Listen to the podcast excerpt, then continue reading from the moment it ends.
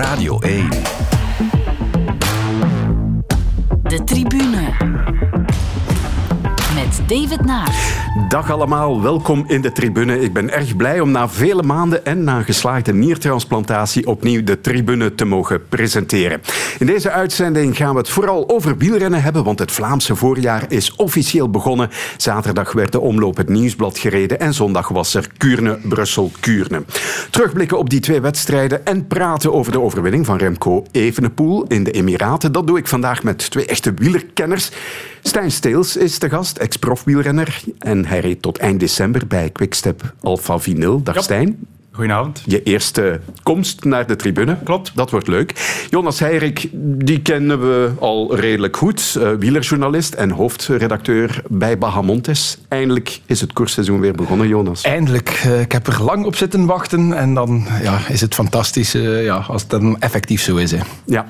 Stijn, vertel eens, het is de eerste keer voor jou dat dat wielerseizoen begint zonder dat je zelf mee op de fiets zit. Hoe voelt dat? Het was een beetje gelijk de kindertijd. Hè. Als klein kindje ging ik ook altijd het parcours afsnijden met de koffiekoeken op de achterbank en zo van punt naar punt rijden. En het was zo'n beetje dezelfde stress dat je kon ervaren. Het was niet de stress als renner, die is toch iets anders. Hoe is dat?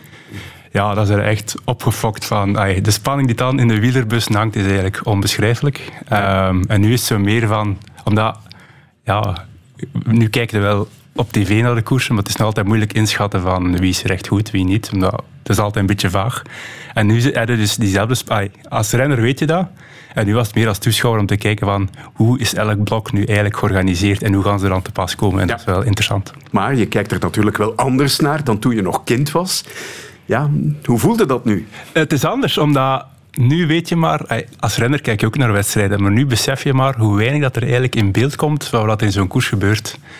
Um, en omgekeerd zie je ook, um, als renner zit je eigenlijk altijd in, rond jezelfde renners te rijden. Dus als ik bij, uh, bij Quickstep reed, was ik vooral bezig met mijn ploegmaten en waar dat zij gepositioneerd zaten. En zouden eigenlijk grote delen van het peloton niet, of waren er stukken koers waar je eigenlijk geen besef van had, omdat je op dat moment bezig was met ja, met je ploegmaat bijvoorbeeld terugbrengen naar, naar een lekke band of om een gat toe te rijden. Ja. En nu zie je eigenlijk, ja, je hebt een ander beeld van koers en dat is lang geleden dat je dat kunt... Eh, in de klassiekers is dat lang geleden dat ik dat heb meegemaakt. Ja, je bent nog maar 33. Je had eigenlijk wel langer willen doorgaan, denk ik, als renner, of niet?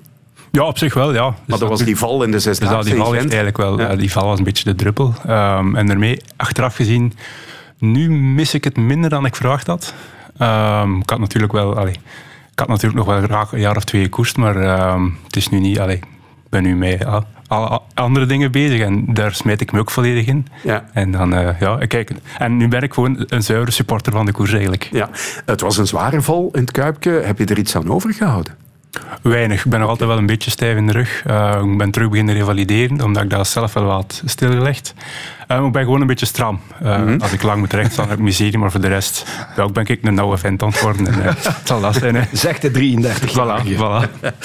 um, ja, en nu is het een beetje zoeken naar een toekomst naast de fiets? Of gaat die toch een rol blijven spelen in je leven? Um, ik hoop van wel. Ik ben nu terug... Ik ben sportmanagement beginnen te studeren hier mm -hmm. in Brussel. En daar steek ik eigenlijk ja, veel tijd in. Ik probeer aan de VUB? Ja, aan de VUB, klopt. Ja.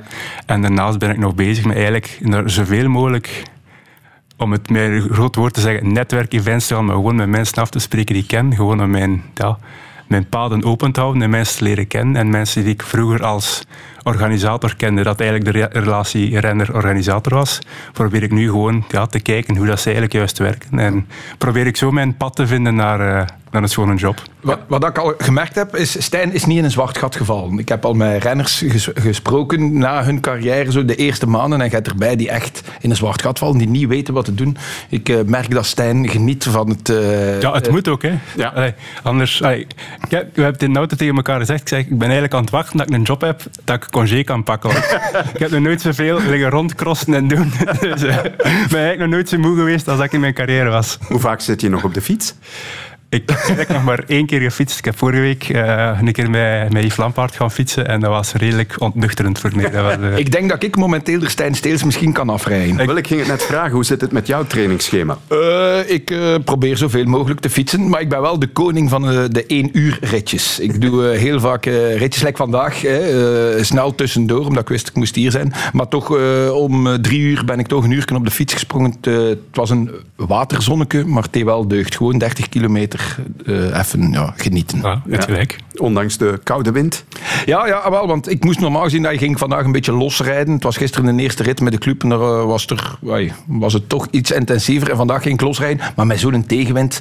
Ja, en ik wil dan ook niet aan 22 per uur rijden. Dus ja, dan uh, was het toch iets intensiever dan gepland. Ja, zoals gezegd, jullie zijn samen naar hier gereden in de auto. Jullie hebben ook kennis gemaakt met de tijdelijke medewerkersparking op de VRT. Dus ja. jullie hebben al flink gewandeld naar dit gebouw. Want het is een stevige wandeling, kan ik je wel zeggen. Uh, zijn coureurs eigenlijk goede chauffeurs in de auto? Uh, ik uh, vond van wel, ja. ja, ja want, we hebben toch een paar keer op de limiet moeten rijden en bieren. Ja, er, er. Op, op dat vlak schuilt er een, ploeg, een ploegleider in Stijn, heb ik al gemerkt. Ja. Oké, okay, dat gaan we in het achterhoofd houden. Jonas, mag ik je proficiat wensen? Uh, ja, dat, dat, mag. Eigenlijk veronderstel dat het uh, niet is voor mijn schone ogen. Uh, dat zal misschien ooit wel gebeuren, maar het gaat over de verjaardag natuurlijk van je wielertijdschrift Bahamontes. Ja. Tien jaar jong, ja. mag ik wel zeggen. Dat is een mooi jubileum. Dat is een zeer mooi jubileum. En het is eigenlijk een beetje onverwacht. toen we er tien jaar geleden aan begonnen, hadden we dit nooit durven dromen. Echt niet? Nee, nee. Nee, zelf in onze, stouts, allez, in onze stoutste dromen wel natuurlijk. Maar wij, wij dachten van ja, kijk, als we vier nummers zouden mogen maken of drie jaar. Want allez, het was geen goede tijd voor tijdschriften, dat is het nog altijd niet. Maar kijk, ja. uh, het wonder is geschieden. Het, is, het, is, meer dan een tijdschrift eigenlijk. Hè? Het is, het is zo'n beetje... ja. ja is een mooi boek, koffietafel te leggen. een mooi boek, hè? Met Waar je wel eens naar de foto's ja, ook wil kijken of ja, sommige ja. stukken opnieuw lezen. Ja, wel, dat was echt iets... Allez, dat was een van de eerste dingen die we wilden. Hè. We wilden een boekje maken dat niet uh, bij het uit papier uh, terecht kwam of waar dat de patatten op geschild werden. Het moesten collectors items worden. Uh, het, moesten, het moesten tijdloze verhalen zijn. Ik, wil, hey, ik heb nu hè, de, de, de eerste Bahamontes nog een keer helemaal opnieuw doorgelezen. En dat zijn nog altijd verhalen die er staan. Hè. Er stond toen een interview in met Tom Bonen. Niet over de Ronde van Vlaanderen van dat jaar. Maar de littekens van Tom Bonen, die littekens zijn nog altijd dezelfde, die verhalen. Dus dat houdt stand. En ik denk dat dat zeer belangrijk is. Dat we met Bahamontes niet naar de waan van de dag kijken, maar tijdloze verhalen brengen. En uh, zonder al te veel in reclame te vervallen, wat heeft het jubileumnummer voor speciaals te bieden? Goh, uh, een beetje van alles. Het is ten eerste ons allerdikste nummer ooit. Uh, eh, 32 pagina's extra. Dat heb ik gemerkt. Het is in de bus gevallen. Ja, ja, maar ja, ik heb niet afgevallen bij mij. Er is een kameraad die postbode is en die vloekt. die zei, ja, hij heeft echt uh, een, een, twintigtal uh, Bahamontes abonnees op zijn tour. En die zei van, ja, mijn zak was echt zwaarder. Uh. dus nee, voor de rest interviews met, met Lotte Kopecky, met Jasper Philipsen. Een geweldig stuk. Eh, we zijn teruggegaan naar Toledo. Federico Bahamontes woont in Toledo. Alleen, hij is daar niet meer. Ah. Hij is uh, sinds twee jaar een beetje op de sukkel. En ja, een, een, geweldig verhaal. Ook hoe dat er in Toledo gekeken wordt naar de mens die eigenlijk de stad op de landkaart gezet heeft. En die is er nu niet meer, dus dat is een gemis.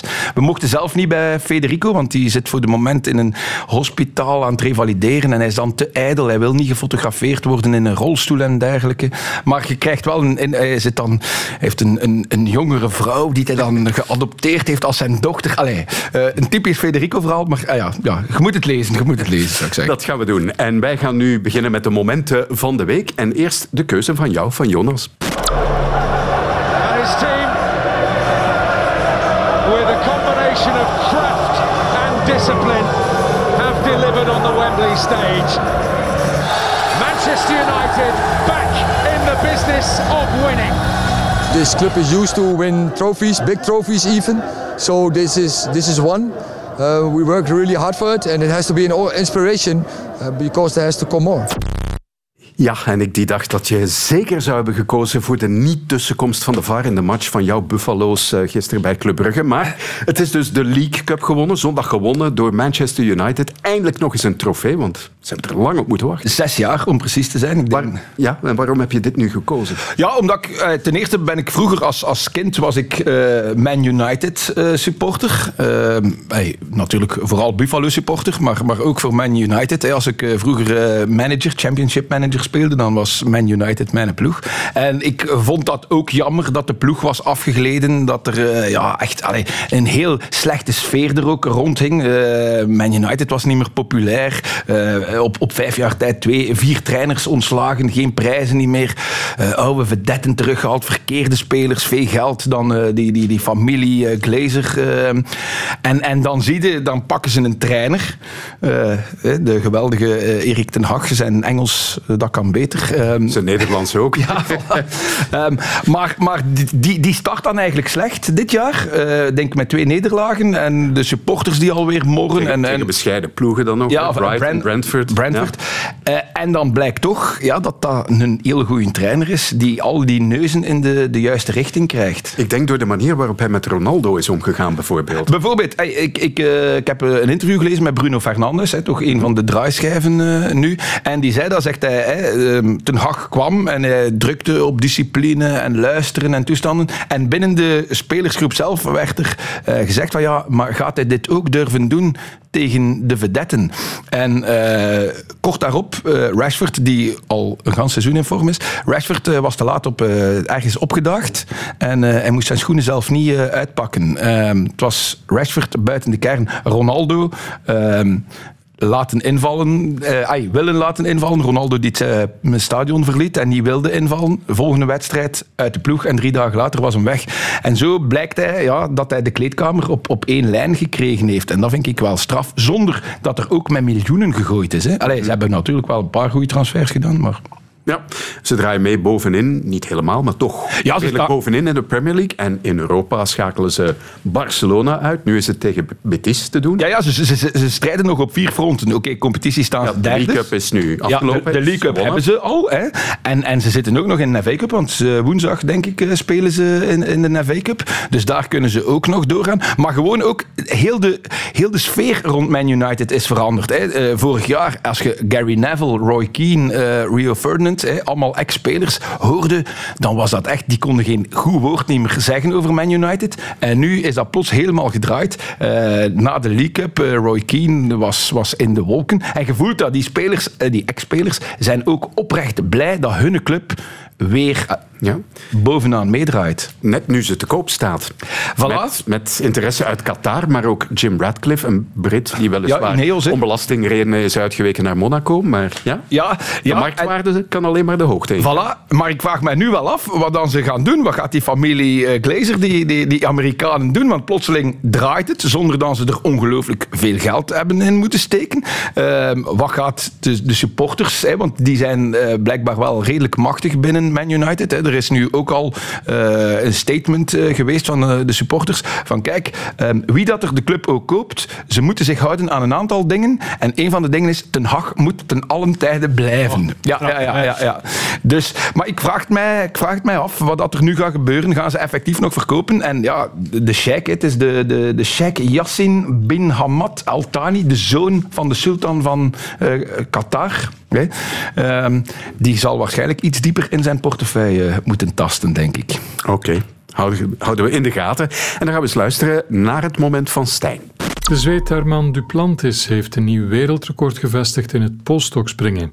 Op een atletiekmeeting in Clermont-Ferrand in Frankrijk ging hij bij zijn derde poging over 6 meter 22. I'm just like levitating off the ground. I feel like my body never even touched the ground the whole jump because I just feel like it's it's almost this out of body experience because it feels almost sur- surreal to be in the situation. Ja, hij stond van zichzelf te kijken. Mondo Duplantis, een fenomeen, ging over 6,22 meter. Ja, dat is ongelooflijk. Hè. Alleen omdat polstokspringen is toch een beetje zo'n magische discipline. Omdat je kunt bij, over bijna elke sport zeggen van kijk, als ik eraan begin, ik zal dat wel een beetje kunnen. Iedereen kan een beetje voetballen, iedereen kan een beetje zwemmen. Maar als je zegt, je moet gewoon polstok springen. Je weet, je weet zelfs al niet, hoe begin je eraan? En dan die hoogtes dat die man halen. En dan eh, ook gewoon wat ik me altijd afvraag is, hoe stuur je dat bij? Omdat dat is in een, daar moeten zoveel technische bewegingen gemaakt worden in een fractie van een seconde. Maar we kunnen ook niet tegen een atleet zeggen van kijk, je moet dat hier honderd keer op een dag gaan doen, want dat is altijd wel een zware inspanning dat je moet leveren. Dus ik vind dat een, ik vind dat een heel bizarre sport. Ehm, en ja, ik ben vroeger opgegroeid met Boepka, die Ja. dan elke keer over zijn record ging, eh, op de Memorial en zo. En daarmee, en dat zijn ze altijd, het is altijd één iemand die die sport domineert. Zo is het, want eh, de atletiek, ja, het was een beetje saai geworden sinds Usain Bolt gestopt was. En hij is nu een beetje het uithangbord aan het worden. Hè. Ja, gelukkig maar voor de atletiek. En ik vind dan ook mooi dat hem... eh, het is Lavillenie die dat zelf die meeting organiseert. Ja, het was echt een postdoc-meeting in zaal. Dan Ja. is nog eens extra druk op, op de schouders. En dat je dan toch weer dat wereldrecord springt, dat vind ik eigenlijk wel... ey, dat is echt een grote atleet. Ja, en de statistieken zijn duizelingwekkend. Hè. Eh, Duplantis, hij is nog maar 23 jaar, dus hoe hij daarmee omgaat. Hij is wereldrecordhouder sinds 2020. Sindsdien heeft hij het zes keer verbeterd. De laatste keer was vorige zomer op het wereldkampioenschap in Eugene. En dit was nu de 60ste keer dat hij over zes meter sprong. En ik neem aan dat je ook beeld hebt gezien van de camera op de lat. Het Daar zit nog enorm veel marge op. Het is natuurlijk, ja, we kennen er, het is een sport dat je weinig van weet. En op beeld ziet dat eruit dat hij heel veel marge heeft. Maar dat kan natuurlijk zijn, legt die lat een centimeter hoger, dat er dan ergens weer in een hoek wat moet aangepast worden of zo. Eh, maar daarom, kijk, dat fascineert mij een beetje dat die man op zo over zo, allee, dat, je moet eens voor een gebouw staan van zes meter. Dan je echt van, allee, springt er maar een keer over. Mocht hij dan nog een stok geven, dan, je, weet niet, je weet niet dat je eraan moet beginnen. Dus, allee, dat, is, dat is straffe mannen. En, en blijkbaar wilt hij ook, eh, stopt hij al met het indoorseizoen? Omdat Ja, hij gaat niet naar het Europees kampioenschap volgend weekend. Ja, en hij wil blijkbaar ook zoveel mogelijk wereldrecord springen. Hè? Dus hij gaat niet in één keer er vier centimeter bij premie. hè. Ja, wel, ja, maar dat is slim gezien natuurlijk. Hè. En als hij op het einde van zijn carrière kan zeggen van ik heb hier eh, twintig keer het, we- het, het wereldrecord verbroken. Ja. Ja, ik las dat Boepka in tijd 90.000 euro kreeg per keer dat hij het wereldrecord brak. En hij deed er altijd een centimeter bij. Dan, Ja. eh, Ja, die kwam uit het Oostblok, Voilà. dus die Ja. kende de waarde van het geld nog wel. Hè. Ehm, ja, je hebt nu voor atletiek gekozen. Ehm, ben jij iemand die eigenlijk belangstelling hebt, heeft voor alle mogelijke sporten? Of ja, eigenlijk wel. ben je selectiever in je keuzes? Nee, omdat ik ben al al van kinds af aan heb ik immens veel sporten beoefend. Ik ben eigenlijk maar beginnen koersen op mijn 15 en daarvoor deed ik eh, atletiek, judo, turnen. Eh, ik ging naar een vrije tijd nog gaan zwemmen. Dus ik ben eigenlijk altijd wel bezeten geweest van alle sporten. Ehm naarmate dat ik opgroeide is dat wel iets selectiever geworden. Omdat ja, de passie gaat nu ook wel meer uit naar de koers. Maar ik probeer het toch wel in grote lijn overal te weten wat er aan de hand is in de, in de sportwereld. Ja, en dan ben jij een geknipte man om hier te gast te zijn. Maar we gaan het straks eh, vooral over wielrennen hebben natuurlijk. De tribune. Sinds dit weekend wordt er dus weer gekoerst op Vlaamse wegen. Het is zover. Bij deze hebben we het startschot gegeven van onze eerste echte koersuitzending van 2023. Ik zou zeggen, we heffen onze koffie na de lunch even ten hemel op het nieuwe wielerjaar. School en eh, welkom. Het is koers. Nieuwe aanval van Baarle nu. En eh, laat Van Baarle wegrijden met een groepje en je hebt een probleem. Dat beseffen ze hier ook. Hoe lang is het al? En hij is alleen. Echte Flandriëns rijden op de kasseien. Hoe lang is het al? Daar hangt al een rood fotje. Ben ik anders dan? Dylan van Baarle wint de omloop het Nieuwsblad 2023. Jumbo-Visma scoort bij de opener van het Vlaamse wielervoorjaar. En ja, doet vermoeden dat het niet de enige keer is dat ze gaan scoren. The team told me to use my in- instinct, um, and that's what I did. Tot ergens onderweg.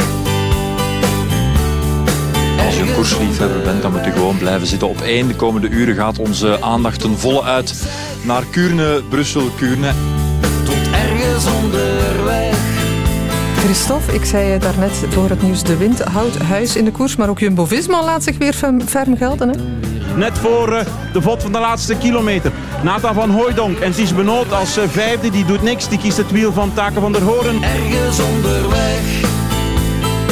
Pas op, Benoot lanceert. Benoot, Benoot, lanceert. Ai, ga langs ervoor. Van Hooijdonk heen, langs Van Hooijdonk heen. Wie gaat het werk nog doen? Niemand. Hè, wat zei ik? Je zou de Jumbo's geen kans geven als je naar die anderen kijkt. Maar Benoot gaat Kuurne, Brussel, Kuurne winnen. juiste Zijn eens. manier. Benoot wint Kuurne, Brussel, Kuurne. En Van Hooijdonk gaat nog tweede worden. 1 en 2, alsjeblieft. Mahoris 3. Je bent mooier dan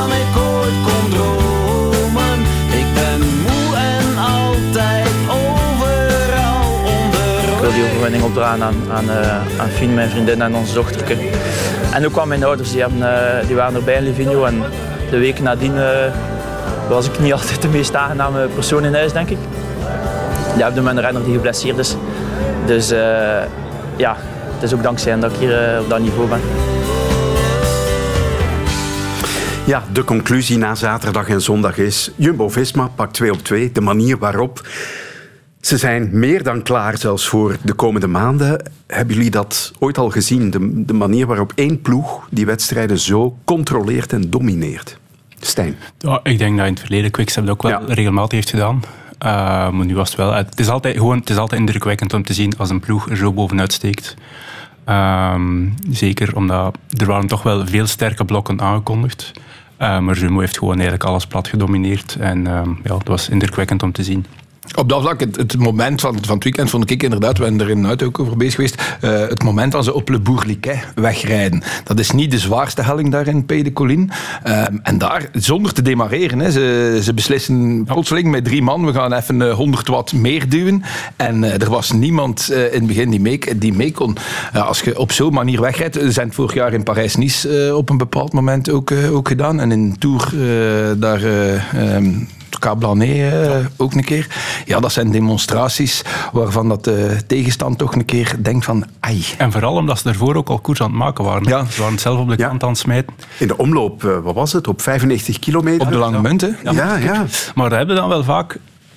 Als je als ploeg erin slaagt om je dominantie op te leggen, heb je ook weer een bepaald voordeel. Omdat bijvoorbeeld als je dan in slaagt om op de lange munt op te draaien bij de eerste zeven, ja, en je trekt dan door, dan weet je, ja, als we weg zijn, zijn we mee. En uh, dan mogen andere ploegen niet in de val trappen om dat altijd te laten gebeuren. Dat is makkelijk gezegd, hè? maar dat is zo... Vroeger ook, als ik nog bij ploegen als Vlaanderen reed, dat was dat... Ja, wij gaan de waaier niet trekken, want we gaan naartoe en Quickstep zal dat wel doen. Maar het probleem is dan, als Quickstep de waaier trok, ja, er kan maar 15 man mee, je bent met 7 mee. En dat is nu hetzelfde verhaal dat Jumbo doet. Als je, als, als je de koers kunt domineren en in handen pakken, dan schiet, zijn eigenlijk automatisch in overtal. En het is nu gewoon een ander ploegen om daar proberen iets op te vinden, maar dat is niet gemakkelijk. Ja, um, de plannen worden ook perfect uitgevoerd, zo lijkt het wel. Ja, absoluut. Enfin, ze zeggen het zelf. Ja, ja, ja dat eh, sowieso. Hè. Ze, ze, ze, hebben gezegd van we gaan het eh, in handen nemen en we gaan daar de boel eh, de eerste keer in de fik steken. Het mooie is dan wel, vind ik, dat het niet allemaal op voorhand is uitgetekend. Hè. Als ze vroegen aan... in de klassieker. Hè. In de klassieker gebeuren er zodanig veel... Allez, zijn er zodanig veel invloeden waar je op voorhand geen, um, geen controle over hebt. Je kunt er wel een plan maken, maar het gaat vooral over hoe dat je dan anticipeert op koerssituaties. Ja. Maar natuurlijk, ja, als je met een basisidee start, je kunt, is het al wel belangrijk als je het zo kunt uitvoeren. Ja, wel, maar het mooie vind ik dan, Dylan van Baarle zei van, mijn aanval was niet gepland, ik voelde het gewoon op die moment aan. Voor hetzelfde geld hebben ze bij, hadden ze bij Jumbo gezegd van, gewacht tot kilometer 20 en dan gaat het pas. Ja, uh, maar dat zijn klassiekers. Hè. Dat is, allee, een klassieke renner moet eigenlijk wel een grote intu intuïtie hebben. Want anders, ja. ja. in de massasprint is dat vaak nog bijvoorbeeld, of zelfs bergoprijden is op zich niet moeilijk. Je moet gewoon talent hebben. Dat is gewoon ja. puur fysiek. En dan weten van, kijk, ik kan dat vermogen trappen voor 20 minuten of voor 30 minuten. Het parcours zit zo in elkaar en dan kunnen we plan wel trekken. Maar in de klassieker, ja, het is draaien en keren. En het fysiek vermogen is heel belangrijk, maar is niet de... de, de het is niet... De, de alleen factor. Het is ja. ook nog het vermogen om te kunnen anticiperen en de koers aanvoelen is veel belangrijker in klassiekers dan in andere wedstrijden. En dat meemaakt, dat maakt ook dat klassieke renners, die man die koersen winnen, wel heel, heel slimme renners ook, omdat ze gewoon weten dat ze de koers kunnen aanvoelen. Ja, en dat je Dylan van Baarle al bewezen ja. natuurlijk, dat hij dat uh, ja. goed aanvoelt wanneer dat de moment daar is. Want toen hij alleen weg was richting de muur, en die pakte dan 15 seconden, dan dacht ik van ja, dan gaan ze wel van heel goede huizen moeten zijn om die nog terug te pakken. En vooral Laporte zat mee in ja, de volging natuurlijk. Ja, ja, ja ik, eh, wij stonden uh, op de Leeberg, uh, daar aan de visvijver, op een groot scherm te kijken. En toen dat hij wegreed, dacht ik ook van ja, dit zou wel een keer prijs kunnen zijn. Hij was ook al weggereden op een punt dat al heel lastig geweest was. Dus als hij wegreed naar de Molenberg, ja, ik sprak daarna met enkele renners die erbij zaten en die zeiden gewoon allemaal, ja, wij zaten gewoon, wij zaten allemaal op blok. Op blok ja. daarvan een overschot uit om weg te rijden. Ja, dat weten, dan gaan ze van achteruit, moet er dan toch wel iets heel speciale controle komen om een renner waarvan dat je gelost bent terug te kunnen inhalen. Mm. Dus dat was de kans, eens dat hij vertrok was, was de kans groot dat hij het ging halen. Hè. Ja. Nu, de manier waarop Jumbo-Visma het allemaal aanpakt, ja, ze lijken voor elk type de juiste renner in huis te hebben.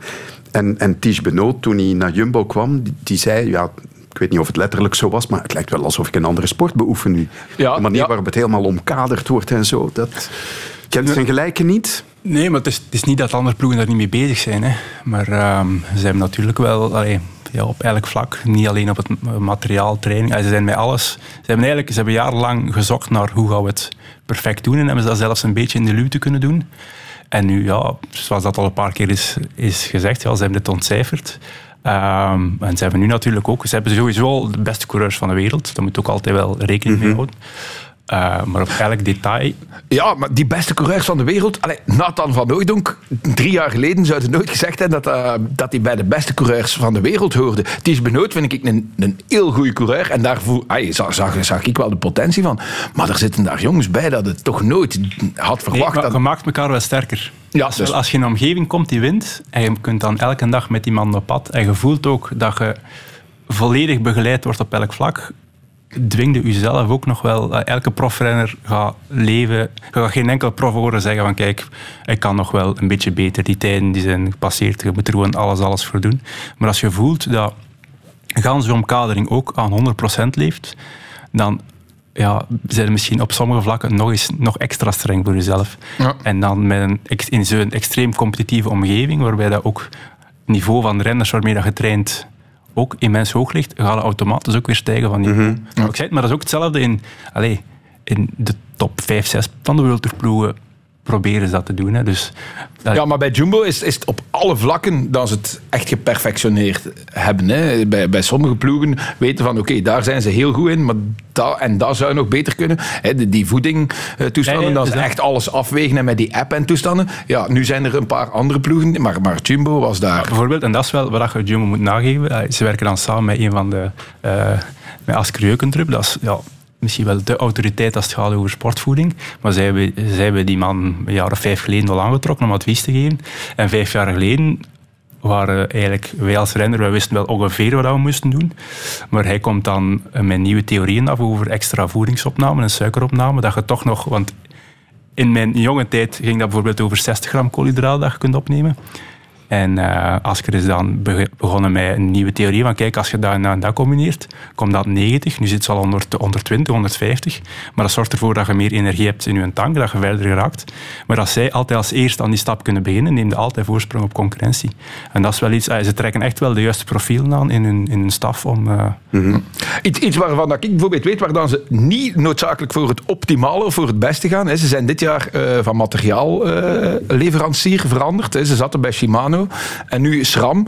Hè. En ze, durven, eh, ze proberen dat zo wel te doen van ja, het is omdat SRAM eh, veel beter eh, met ons gaat samenwerken en toestand. Daar weet ik gewoon heel duidelijk van. SRAM heeft daar een bedrag gelegd waar dat Shimano zei van dit kunnen wij niet betalen, dat willen wij niet betalen. Dus dat daar vraag ik mij dan af, stel dat SRAM, want daar is niet elke coureur even positief eh, over, stel dat ze binnenkort eh, twee keer eh, een ketting hebben die afloopt op de verkeerde moment. Mollema met zijn fucking schram. hè. Ja, maar dan denk ik dat ze dan daar toch een keer van gaan zeggen van oei, verdorie, daar hebben we dan... Daarvoor zijn dit weekend ook de beste tests. Hè. Je leert eigenlijk maar je materiaal kennen op kassein. En als het daar overleeft, dan gaat het al overal overleven. Eh, opvallend ook eh, de manier waarop ze het hebben voorbereid. Eh, die klassieke kern is in november al op verkenning gegaan, parcours gaan verkennen, videoanalyses bekijken. 22 november, de omloop verkennen. Maar de eigenlijke voorbereiding, ja, dat is gewoon op Tenerife, drie weken op stage. Dit waren hun eerste wedstrijden van Ja. het seizoen. De, de zes coureurs die aan de omloop eh, aan de start stonden, nul koerskilometers. Allemaal rechtstreeks van de tijden naar, naar Vlaanderen. En dat was vooraf toch ja, even afwachten, hoe, hoe gaat dat uitdraaien? dat of of wat, hoe kijken jullie daarnaar? Ik vind dat nog altijd eigenlijk heel raar. Omdat, moest dat zijn voor een, ehm, ja, een klimwedstrijd? Of een grote ronde? Een grote ronde, daar kan ik mij perfect in inleven. Maar voor een, allee, het, het straffen is aan de klassieker, is, of aan een voorjaarskoers, is het, het sturen, de vinnigheid. Het altijd maar kort, allee, dat is altijd remmen, optrekken, remmen, optrekken. Er zit eigenlijk geen constant tempo in. En, dat kun je niet nabootsen Nee, je op de tijd. hè? training doen. Dus daarvoor dat bijvoorbeeld vroeger Qatar zo, zo'n toffe koers was om te rijden. Omdat je, dat was even wringen, en, want op training kon dat niet. En je merkt ook in het nieuwsblad, als ik daar reed, dat was voor mij altijd de moeilijkste semi-klassieker om te rijden, omdat je, had het, je, had, je waart niet meer gewend. Om, Had het niet meer in de vingers. Nee, en altijd maar verspringen van tussen die betonvakken en die... En door te koersen heb je dat een beetje. Maar die mannen komen recht van een berg. En die zijn er direct mee weg. En dat vind ik altijd iets... Voor een, voor een normale koers ben ik volledig mee in het verhaal. Maar ik vind dat heel raar als ze dat direct kunnen overbrengen op eh En de klassiekers. Het is niet altijd, hè, want Ineos heeft het ook nog een jaar geprobeerd. En bij Ineos is dan eh valikant mislukt. Eh, die, die, die speelden dan niet mee. Dus, dus het is niet zo dat alle teams dit nu gaan kopiëren. Het gaat ook weer over kennis. Want het is ook weer, ze zijn dan ooit zijn allemaal ploegen begonnen met hoogtestages, maar het gaat er ook over, hoe pakte dat aan? Want dat is niet zo makkelijk om... Dat is echt op een hele dunne koorddag, je moet, eh, op een hele slap koorddag moet balanceren van, ofwel, als je iets te veel traint, moet je erop rekenen dat je voorjaar volledig verdwenen is. Als je te weinig traint, ja, dan, ja, Dan is het ook niet goed. komt er ook niet goed. Dus dat is heel moeilijk om te timen van wanneer kan ik welke inspanning doen. En zij hebben het ook weer, ja, zij hebben het ook weer ontcijferd hoe het, eh, hoe het echt moet. Ja. Ehm, gaan we nog eens naar die koersen van zaterdag en zondag. Dylan van Baarle wint zaterdag, Ties Benoot zondag. Wat vonden jullie de strafste prestatie van de twee? De strafste was, was Van Baarle zijn solo, denk ik. Maar ik gunde het Tisch zo, zo hard. Eh, ook, de manier waarop hij het daar, daar, Ja, daar voilà. toch En- weg, weglipt uit. Ja, en ik dacht Weliswaar ook met Van Hooijdonk erbij. Ja, maar ik, ik dacht in de laatste vijf kilometer, dacht ik van Ties is de minste. Hij twee keer ervoor probeerde net te demareren en daar zat er nul dash op. Die, die, die pakte zelf geen... geen... Er zat bij niemand niet meer... Ja, jawel. Als Van Nooydonk ging, als Van ging, die pakte 10 meter. En daar moest Mohoric echt zijn, zijn tenen uitkuisen om in dat wiel te geraken. Benoot is twee keer gegaan en die pakte zelf geen, geen anderhalve fietslengte. Dus ik dacht, Benoot zit piepen dood. En dan zie je toch...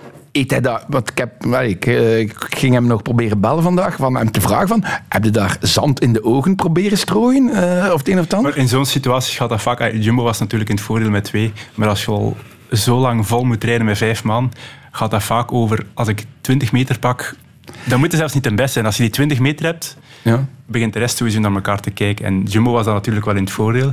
En dan hadden Benoot, ja, zijn aanval was... Ja, dat is natuurlijk ook achteraf, was perfect getimed. Ja, ja. Eigenlijk ook op de volledige... Maar ik, allee, mij verbaasde het enorm dat er met een keer plos wel dash op zat. En ja, Benoot was sowieso het grootste strijkijzer van de vijf, denk ik. Ik denk als ze met vijf sprinten, dat hij, dat hij vijfdes eh, eindigt. Dus, en dan, ja, als je weet wat er eh, aan vooraf gegaan is vorig jaar, zijn accident in Livigno. En Gaat, dus gaat hij nog wel coureur kunnen blijven? Voilà, dan, dan is dit ja, dubbel, dubbel mooi. En Tisch allee, weet van zijn eigen hè, dat hij niet vaak gaat winnen. Ehm, ja, en als je dan Kuurne-Brussel-Kuurne eh, kunt, kunt winnen. Ja, Ja, dat is een mooie koers. hè. Als hij wint, is het een mooie koers. En op een mooie manier. Ja, en hij weet ook, ja, in principe Ronde, Roubaix, eh, in principe de, st- de Strade, ja, is, hij, hij- allee, is het voor Wout en gaat hij zelf niet, niet echt, eh allee, gaat hij hem moeten opofferen. hè? Ja, Wout van Aert, dat nieuws kwam vandaag. Ziek geweest tijdens die stage. Hij past voor de strade. Is wel jammer voor ons. Ook voor hem natuurlijk. Maar... Ja, maar ik denk dat je moet verstaan dat voor Wout, ja, in zijn hoofd zullen er maar twee wedstrijden zitten. hè. Vlaanderen en Roubaix. De Strade is zo'n lastige wedstrijd om te beginnen. En je mocht ook niet... Hij heeft zo'n grote status gecreëerd dat als hij daar start en hij wordt de zesde of de zevende, is het al niet goed volgens de media. Dus eh, dat kan ik verstaan. daar. En ik, ik weet niet hoe ziek dat hij geweest is natuurlijk. Mhm. Maar Maar hij heeft van het weekend alles is nog ferme trainingen gedaan. Ja, ja. Maar, Ploeg zegt denk- ook dat het niks, niks ernstigs was. Als hij maar... anders moest hij starten in Strade, hè. hij zou ook nog supergoed rijden. Hè. Maar dat is zo het, eh, ja, ik denk dat dat meer is het onzekerheidsgevoel toch nog een beetje wegpakken en eerder focussen van kijk, we starten in Tirreno, we pakken direct die, die ronde mee en we zien hoe dat daar loopt. En in Strade kun je niet starten met de Mhm. gedachte van we gaan meebollen en we zien wel waar we belanden. En ik denk dat dat de, ja, dat, dat de, eh, de verklaring voor de keuze is. Eh, terugblikkend op het weekend, Stijn, waar waren jouw ex-ploegmaats? Soudal Quickstep heet de ploeg nu, maar het was een beetje ontnuchterend toch? Eh, Ja, maar ik, ik, ik ga toch een, een beetje proberen te nuanceren. Omdat ze hebben toch nog... allee, ze hebben nog als blok proberen koersen. Ik, ik vind dat ze zaterdag... Is er één grote fout geweest natuurlijk, dat ze niet mee waren op lange munten. En dat heeft niks met conditie te maken. Want dat is in het begin van de wedstrijd... Iedereen kan er eigenlijk... Als, dat gaat gewoon over plaatsing en attent zijn. En dat is ook vaak... ehm, dat is een strook als je voor de start zegt van kijk mannen, dan lange munten. Dan weet ik, kijk ja, ik ga een beetje oppassen. Maar je wringt er niet naartoe als dat je met in- intentie... Naar de Molenberg, Ja, voilà, dat is volledig, je, je bent anders ingesteld. En dat gebeurt onbewust, maar als je niet oppast, ja, voor, voordat je het weet, rem de ene keer is hij 20 posities kwijt. Maar is dat niet het grote verschil? Want ik denk, drie jaar geleden zou Quickstep daar gezegd hebben van... Wij gaan hier de boel op de kant trekken. Wij gaan de, de wedstrijd hard maken. En nu, ja, hebben dat, ze... is ook, dat is omdat ze wat voorbij gestoken. Allee, ja, voorbij gestoken. Vroeger waren zij de dominante ploeg en dan was dat effectief. was dat gewoon start, kijk, we zetten twee man op kop en Ja, we voilà. rijden met de ploeg erachter. En nu is dat... En ik vind dat ze eigenlijk daarna, en dat versta ik nog altijd niet zo goed, en dat is wel omdat ze in het verleden zo dominant waren, denk ik, gaan ze wel en met Casper Pedersen, die in topvorm is, achtervolgen, gaat Yves Lampaard vol op kop rijden, gaat Ballerini vol op kop rijden.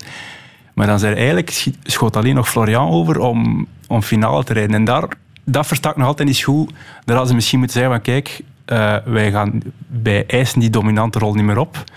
Het is een keer tijd dat er ook iemand van Trek bij komt. Of dat er iemand van DSM of wat dan ook. En daar, want ik denk dat ze puur conditioneel wel oké waren. Ik heb gehoord dat Lampaard heel goed zou, zou moeten zijn. Seneschal, dat heb ik gezien.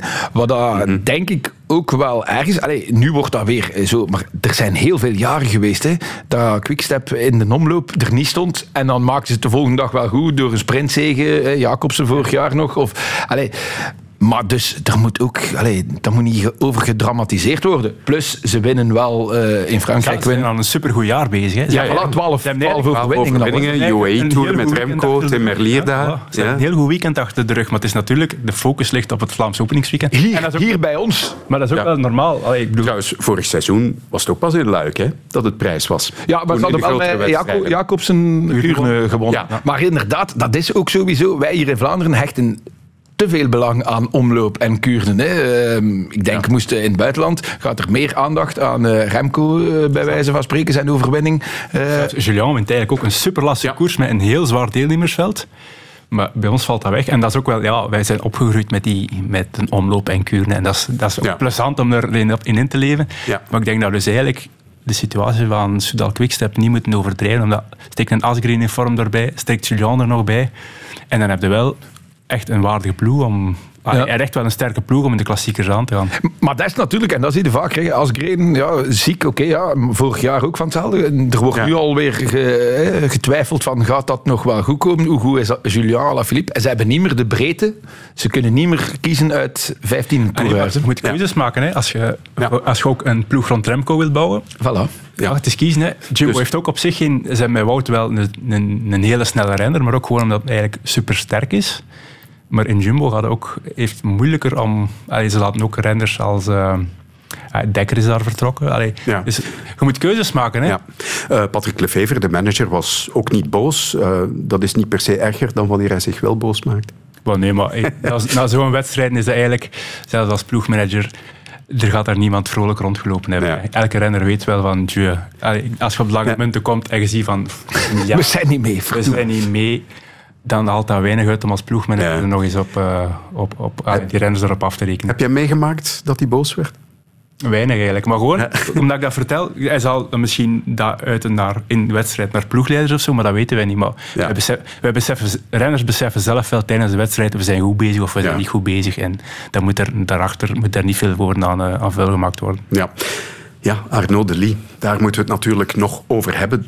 Dat is de andere figuur van dat weekend. Lotto Destiny, dat nog eens met een figuur afkomt. En wat voor een. Ja, voilà, 20 jaar. Eh, en dan twee dagen na elkaar. Hè, waar dat ik begrijp, hè, er zijn eh, stemmen eh, geweest van moesten hem wel laten starten in Kuurne.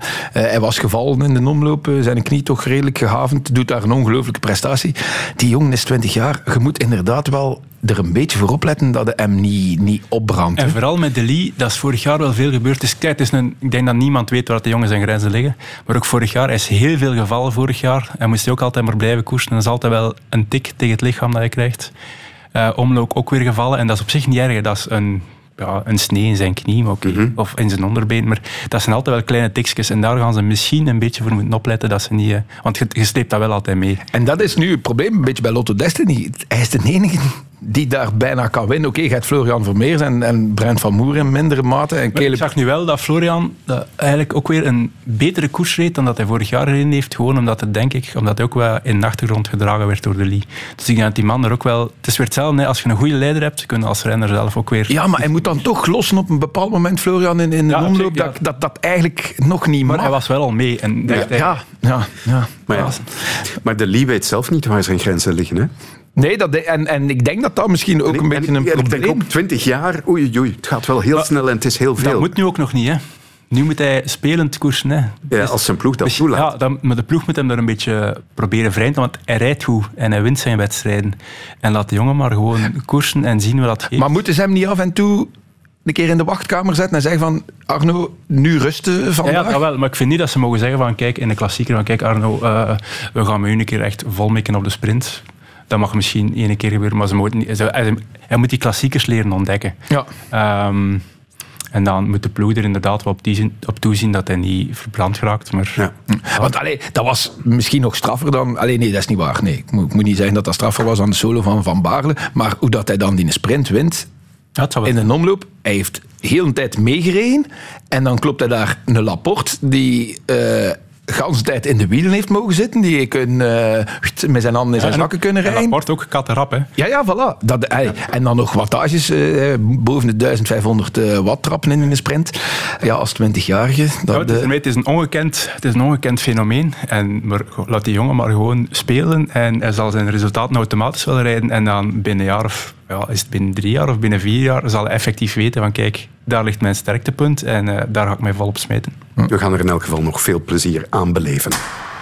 De tribune. En mijn gasten vandaag zijn ex-renner Stijn Steels en Jonas Heirik van Bahamontes. We hebben het al vooral over de mannen gehad. We gaan dringend over de vrouwen moeten hebben, want zaterdag kregen we nog een Belgische overwinning en wat voor een. En dat was te verwachten, dat ze er nog eens een laagje bovenop ging leggen. Dat ze ze er ging van proberen af te rijden. En dat lukt ook met heel veel bravoure. Kopecky weg bij Arlene Sierra. Het zandzakje overboord gegooid. De Bosberg als ideale springplank om alleen naar de leiding van de wedstrijd te rijden. En hier is ze binnen. De nul is weg voor België. We winnen. En zij vooral voor het eerst in de geschiedenis de omloop, het nieuwsblad met België. Meteen een dik uitroepteken achter haar naam zetten. Lotte Kopecky. Geweldig, geweldig, geweldig. De sprinster is een aanvalster geworden. Een geweldige allrounder is ze. Ik voel me heel sterk op, ehm, op de klimmetjes. Maar dan eh, ja, was het niet echt de bedoeling om al op de muur te gaan. En ik, heb, eh, ik heb nog nooit in mijn leven een solo gereden. Dus eh, ja, het was toch eh, ja, voor mezelf een beetje zoeken van... Ja, hoe kan ik die inspanning het best indelen? En ja, welk vermogen kan ik eh, tot aan de finish volhouden? Een solo van 16 kilometer inderdaad. Lotte Kopecky wordt elk seizoen beter. Absoluut, ja. Ik, en dit had ik nog niet verwacht. Hè. Ik weet, haar, haar hoofddoel is, is Roubaix. Dus ik dacht, ja, in de omloop gaat ze nog niet 100% zijn. Dus ik had ze ook niet in mijn pronostiek eh, gezet. En dan doet ze dit. eh, ja, voor een eerste solo kan dit wel, eh, wel tellen.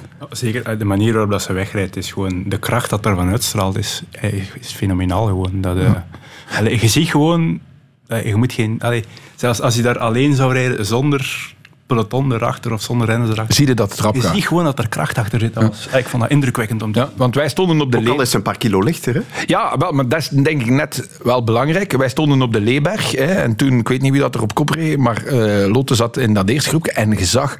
Allee, in die paar seconden dat ze passeerde, zag je van, die heeft zoveel over. Je zag bij, bij heel wat gezichten de, de inspanning er al op staan. En bij Lotte zag je dat niet. Dus ik, daar dacht ik van, ze gaat straks nog, nog gaan. En die kilo's, ja, dat is wel superbelangrijk als je, als je bergop eh, gaat. Hè. Ja, maar dat, dat geldt bij iedereen. Hè. Dat is mannen, vrouwen. Het, een, van de, ja, een van de beslissende factoren van een renner, of dat nu renner of renster is, is het gewicht gewoon. Hè. Dat speelt zo'n rol. En alles, ah, als je, als je top, topatleet wilt zijn, moet je daarmee bezig zijn. En het is leuk om aan haar te zien dat ze toch nog een manier heeft gewoon om ook naar haar ja, absolute topgewicht te geraken. Want eh, gisteren was er dan een spel onder meer op Twitter en sociale media van hè, het moet altijd over dat gewicht gaan. Eh, hè, en, en dat was dan zo gezegd omdat het over een vrouw ging. Nee, nee, nee. Dat Gewicht, spreken we bij de mannen ook over. gewicht is echt een, een zo eh, prestatiebepalend eh, bepalende factor dat het daar moet over spreken. En, en Lotte die 3,5 kilo eh, lichter is, dat maakt echt een enorm verschil uit. We gaan dat vooral zien als er, als er geklommen moet worden, gaat het daar enorm zien. Maar, en dat is natuurlijk wel het gevaar. hè. Drie kilo en half eraf, hè. daar wordt er nu inderdaad heel veel over gezegd. En het is bij heel wat rensters en zelfs renners, ja, dat die toch met eh, gewichtsproblemen zitten, anorexia, bulimie en toestand. Dus je moet wel daar een beetje voorzichtig mee zijn dat je niet eh, renners creëert die allemaal wel over been zijn. Dat gaat ook weer over begeleiding. Hè. Dat is wat we in het begin zeiden. Van, als je, dan, dan moet de medische staf gewoon op letten. Van, kijk, allee, voeding is zo'n belangrijke rol in de sport geworden. En dat gaat er gewoon over van hoe graag... Eigenlijk, koersen gaat er gewoon over hoe krijg ik mij zo mager mogelijk, zonder dat ik vermogen verlies en zonder dat ik eigenlijk... Ja, En dat het gezond blijft. En dat ik gezond blijf. Ja. ja. Want hey, Jan Tratnik, hè, de, de, de, de man van, van Jumbo-Visma... Een dat- straffe man, hè? Voilà, hè, drie- 33 jaar. Een klein dikzakje als je hem ziet fietsen. Hè. Ja. met, met alle respect, want het is een wereldcoureur, maar dat is een klein dikzakje als je hem ziet rijden. Maar wat dat er veel mensen vergeten is, eh, als die 20 jaar was, reed hij bij Quickstep. Dus, ehm, en ik eh, was vandaag met, met Patrick Lefevre aan het sms'en. Ik zeg, ja, eh, waarom? Ja, toen... eh, dingen met bulimie. Eh, Dus, dus Jan Tratnik op zijn 20 jaar eh, schommelde die enorm van, van gewicht. En dat is de reden waarom dat hij, hij maar één jaar bij Quickstep gezeten. Ehm, ze wisten daar niet van die, die problemen. Ehm, en is dan drie, vier jaar onder de radar verdwenen naar kleine ploegjes. En daarna is hij er pas weer, weer doorgekomen. Je ziet dan ook vaak bij jonge renners, als die overkomen, en zeker als ze bij jeugdploegen hebben gezeten, waar dat de begeleiding iets minder is, wat ook perfect normaal is, dat die mannen soms, dat je denkt van, goh, manneke, als je daar 15 jaar zo moet leven, dat gaat heel moeilijk zijn. En dan is het gewoon een truc om als profrenner op duur gewoontes te creëren, dat dan niet meer als, als een verplichting aanvoelt. En automatisch kom je dan wel in een situatie dat je leert op je gewicht letten. En dat- Maar dat gaat gewoon over gewoontes creëren. En die jonge mannen gaan er soms iets te, zijn er te extreem in, om ze plots denken van, kijk, goh, ik ga nu een keer 5 kilo afvallen en dan ga ik een keer dan ga ik ongelooflijk bergop rijden. Uh, maar dat, dat hoort ook een deel tot het leerproces in de ontwikkeling. En, en je moet het dan kunnen, je moet het karakter ook hebben. Bijvoorbeeld Roma en Romain Bardet, die dan hè, ook zo mager mogelijk. Maar die de mensen die op een bepaald moment zijn plezier blijkbaar verloren, omdat hij alleen maar blaadjes sla, bij wijze van spreken, en radijsjes eh, aan het eten was. En dat kun je dan ook, ja, sommige niveaus. dat mag ook niet ehm, overdreven worden, omdat je levert wel nog elke dag, ik weet niet wat prestaties, geeft mij nu het, het bord van een klimmer. Ah ja, en binnen, binnen een maand week ik ook drie kilo meer, omdat je moet nog altijd wel veel eten. Het gaat er gewoon over wat je eet op de juiste momenten. Ehm, En allee, omdat je geleverd, het is wel nog altijd de bedoeling dat je hard kunt fietsen. Het gaat niet over zo mager mogelijk zijn, het gaat over zo hard mogelijk te fietsen. Nog even terug naar Lotte Kopecky. Ehm, ja, ze doet dat wel met een nieuwe trainer ook. Allemaal, hè. Een moeilijke privésituatie gehad. Eh, haar co- coach was ook haar vriend. Ja, en ze staat er meteen, want enkele weken geleden hadden we ook al het EK Ja, voilà. Dus Dat was een van de redenen waarom dat ik dacht van dit gaat te vroeg komen. Hè. Ja. Ze, ze heeft nog gepiekt naar dat EK baanwielrennen. Ja, blijkbaar die nieuwe coach. Dat hoorde ook in de entourage dat ze als mens ook eh, stappen gezet heeft. En ik denk, wat dat je niet mocht onderschatten, dat heeft ze ook eh, in Bahamontes gezegd, de komst van Lorena Wiebes. Hè, dat is de, de snelste vrouw op wielen voor het moment. bij haar ploeg SD Works. Ja, als er gesprint wordt, is het normaal gezien altijd eh, voor Lorena. Ehm, en nu, ja, daardoor moet Lotte Kopecky nu zelf aanvallen. Want ze weet, als ik straks in de groep eh, naar de finish rij en Lorena zit er nog bij, moet ik mij opofferen. Dus Dat werkt ook bevrijdend. Hè? Je, hebt, Absoluut. je hebt gewoon de stress van de sprint niet meer. En dat, dat kun je eigenlijk vrij koersen. En als het mislukt, dan wel, ja, ze is toch sterk genoeg, dan kan ze de sprint aantrekken. Ja. Dus is dat, het is makkelijk gezegd, maar dat is wel een bevrijdende situatie. Ja, eh, wat eh, zij nu doet, Lotte Kopecky, voor het Belgische vrouwenwielrennen, eh, nadat we eerder al Jolien Doren had, gaat dat over x aantal jaar zijn effect hebben? Ja, ik denk dat je dat nu al ziet. Ik merk dat zelf op de fiets. Kom ik heel veel meer vrouwen tegen dan vijf jaar geleden, zeker dan tien jaar geleden. Dus dat kan niet anders dan dat er daar ook eh goede bij zitten. Ik, ik, ik ken iemand die eh beginnen fietsen is in corona. Koersfiets gekocht. En dat bleek, die, ja, die, die kon echt goed fietsen. En die rijdt nu dit jaar eh, in het peloton eh, gewoon mee. Immens veel potentieel. Hè. Dus gewoon, er zijn nog zoveel talenten die niet weten. Er zijn nog zoveel meisjes die over immens talenten beschikken dat ze waarschijnlijk zelf nog niet weten. En die komen dan misschien eerder in atletiek en zo terecht. Maar als die de koersfiets ontdekken, dan kunnen die echt tot wereldtoppers uitgroeien. Dat is, ja. Wat ik jammer vond nu bij, bij het vrouwenwielrennen, de, de, de vrouwen kwamen later aan dan de mannen. Wat dan goed is, want dan komt het live op televisie. Ook al was het niet ongelooflijk lang. Maar wat ik dan wel gezien heb op de Ze Leeuwberg... rijden te snel.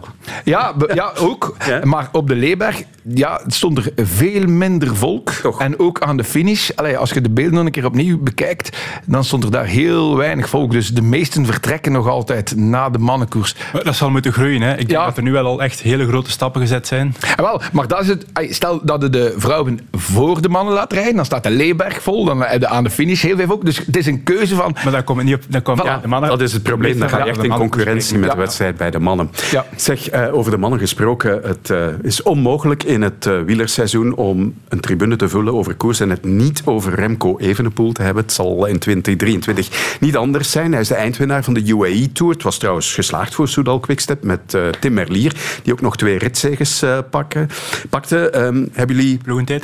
Ja, ook. De UAE Tour dus goed gevolgd, Stijn. Ik heb die koers veel gereden in het verleden. Ja. En dat is wel een... eh, allee, ja, dat, is, wel- dat is niet de plezantste koers om te rijden. Waarom niet? Is, ja, is zoals dat Thomas, Thomas de Gent zei. Eigenlijk, als er geen wind staat, is dat verschrikkelijk. Ja. Er wil niemand wegrijden, omdat het is altijd rechtdoor in de woestijn. En de eerste vijf, de eerste vijf minuten is dat... Want dat is nog een lelijke woestijn ook. Dat zijn gewoon wat... Ja, ja, ja. dat- dat- allee. Ja. En dat is gewoon afwachten. En daar, de laatste 10 kilometer is dat dan plots aan een immens tempo dat er gereden wordt. En iedereen is dan ook fris. Dus je krijgt de meest chaotische sprints. Heel mooi om naar te kijken, maar om daarin te zitten is gekke werk. Ja, ik heb die wattages bekeken van, van wat dan die mannen trappen. Daar, daar kan ik mee mee. Hè. Natuurlijk. Dan, allez, dus ik zou daar... We hebben er ooit een rit gehad en we begonnen. En het eerste half uur reden wij effectief 50 watt. Niet.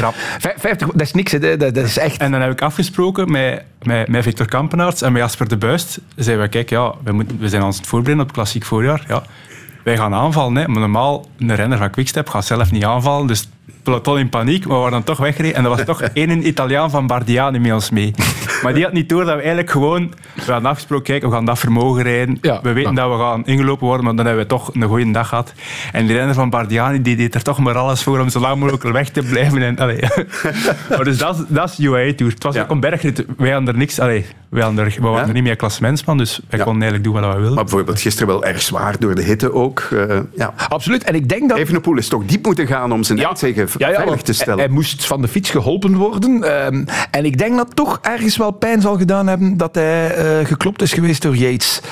Want ja, Het zal niet met volle hoesting geweest zijn, maar we moeten ook... Ik denk als je dan achteraf hoort dat ze wel met bijna een half minuut het, het klimrecord hebben gebroken van Pogacar, dan weten we wel dat je goed omhoog hebt. ja, ja, maar Remco zou, Maar gaat niet daar toch... geklopt. Maar het is wel, je moet wel rekenen, UAE, Yates is sowieso iemand, als hij zijn dag heeft Ja. en hij moet ene call, is hem heel moeilijk te kloppen. Dan nog eens, de UAE Tour is voor Team UAE de tweede belangrijkste wedstrijd van het jaar.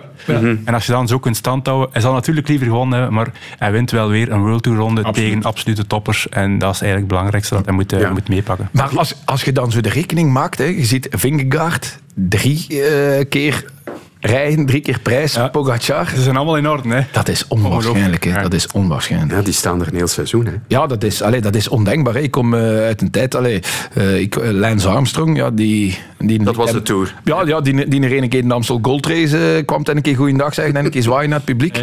En dan zag ik hem niet meer tot een Tour en dat was het. En ik heb vorig jaar gevreesd van... eh, Pogacar werd geklopt door een frissere Vingegaard die veel minder gekoerst had. Ik dacht, ja, het is niet waar. Dan ze teruggegaan naar die specialisatie en dan we ze alleen maar in een Tour gaan zien. En gelukkig heeft Pogacar al meteen gezegd van jongens, dat gaan we niet doen. Ja. Eh, Stijn, jij hebt eh, Remco Evenepoel ongetwijfeld regelmatig gehoord de voorbije jaren. Wat voor indruk maakt hij nu op jou? Als je hem bezig ziet? Ehm, ja, dat klinkt cliché, maar eigenlijk een heel mature indruk. Ehm, ook gewoon maar de vorige jaren al eigenlijk gewoon om mee te babbelen, een doodnormale gast.